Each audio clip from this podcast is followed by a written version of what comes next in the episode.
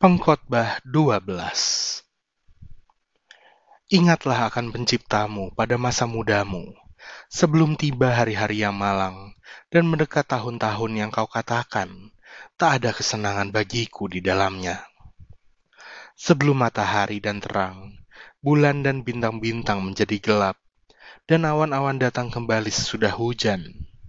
Pada waktu penjaga-penjaga rumah gemetar, dan orang-orang kuat membungkuk, dan perempuan-perempuan penggiling berhenti karena berkurang jumlahnya. Dan yang melihat dari jendela, semuanya menjadi kabur. Dan pintu-pintu di tepi jalan tertutup, dan bunyi penggilingan menjadi lemah, dan suara menjadi seperti kicauan burung, dan semua penyanyi perempuan tunduk. Juga orang menjadi takut tinggi, dan ketakutan ada di jalan.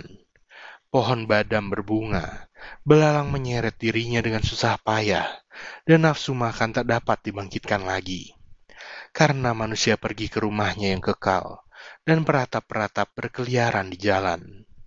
Sebelum rantai perak diputuskan, dan pelita emas dipecahkan, sebelum tempayan dihancurkan dekat mata air, dan roda timba dirusakkan di atas sumur, dan debu kembali menjadi tanah, seperti semula dan roh kembali kepada Allah yang mengaruniakannya.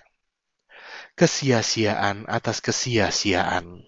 Kata pengkhotbah, segala sesuatu adalah sia-sia. Akhir kata. Selain pengkhotbah berhikmat, ia mengajarkan juga kepada umat itu pengetahuan.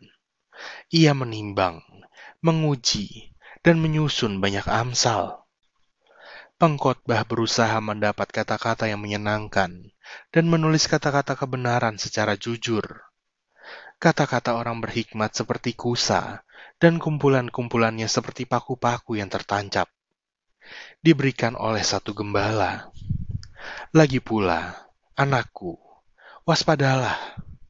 Membuat banyak buku tak akan ada akhirnya dan banyak belajar melelahkan badan.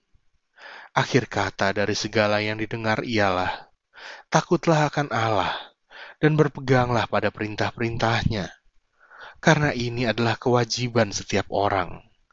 Karena Allah akan membawa setiap perbuatan ke pengadilan yang berlaku atas segala sesuatu yang tersembunyi, entah itu baik, entah itu jahat.